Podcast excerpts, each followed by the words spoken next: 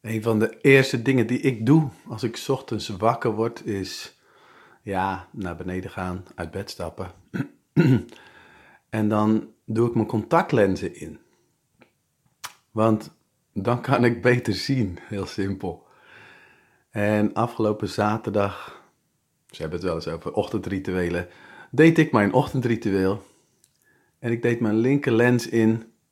En toen opende ik het, eh, ja, het, het potje of rondje van het uh, rechterlensje en er zat niks in.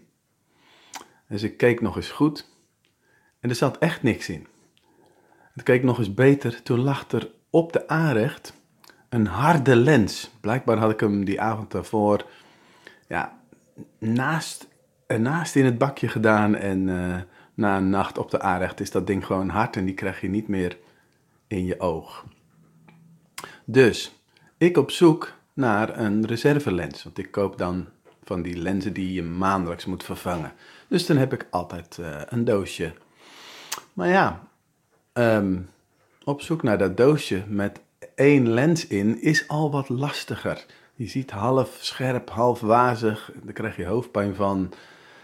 Dus dat is al niet makkelijk. Maar goed, het doosje gevonden. Wat denk je?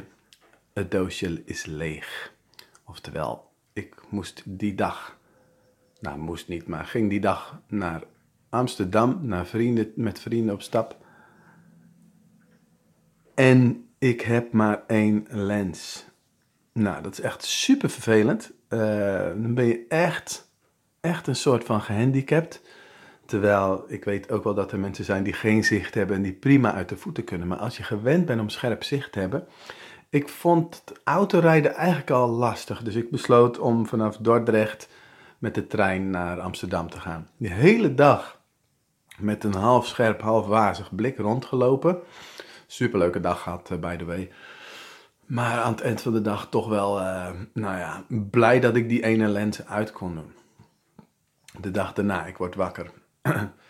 en het is zondag, dus ik besluit om geen lens in te doen. En dat is heerlijk, want dan heb je niet dat half-half. En een hele dag niet scherp kunnen kijken, kwam ik tot een ontdekking. Een ontdekking van de vaste plekken. Want ik wilde wat uh, muesli-krusli-achtig uh, gezond biologisch spul in mijn yoghurt doen. En die bak met, ja, met dat spul was leeg.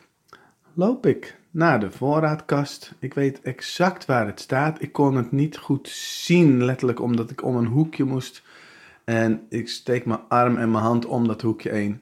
Pak die zak en heb een beet. En kan uh, die, uh, die, dat, dat Tupperware ding bijvullen.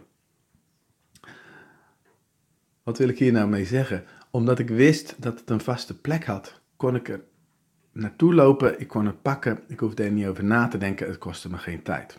Zojuist toen ik besloot om deze podcast op te nemen, moest ik op zoek zonder lenzen naar het microfoontje.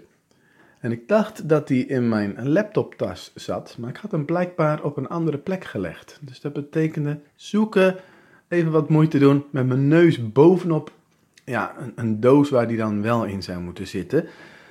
En ja, ik vond hem, maar het kostte wat meer moeite. Dus de kracht en de waarde van vaste plekken is, is gewoon heel groot.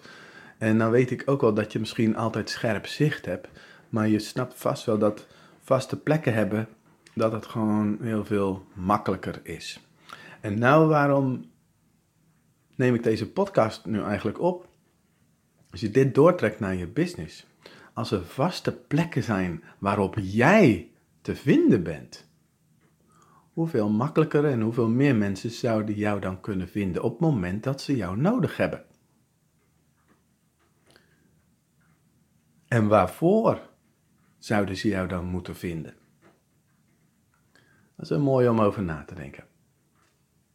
Als je bijvoorbeeld uh, zou zeggen van, nou joh, ik ben elke maandagochtend om 9 uur live op Facebook, live op Instagram, um, live via Zoom, weet ik veel wat voor tool je gebruikt. Je bent altijd op dat tijdstip benaderbaar, vindbaar.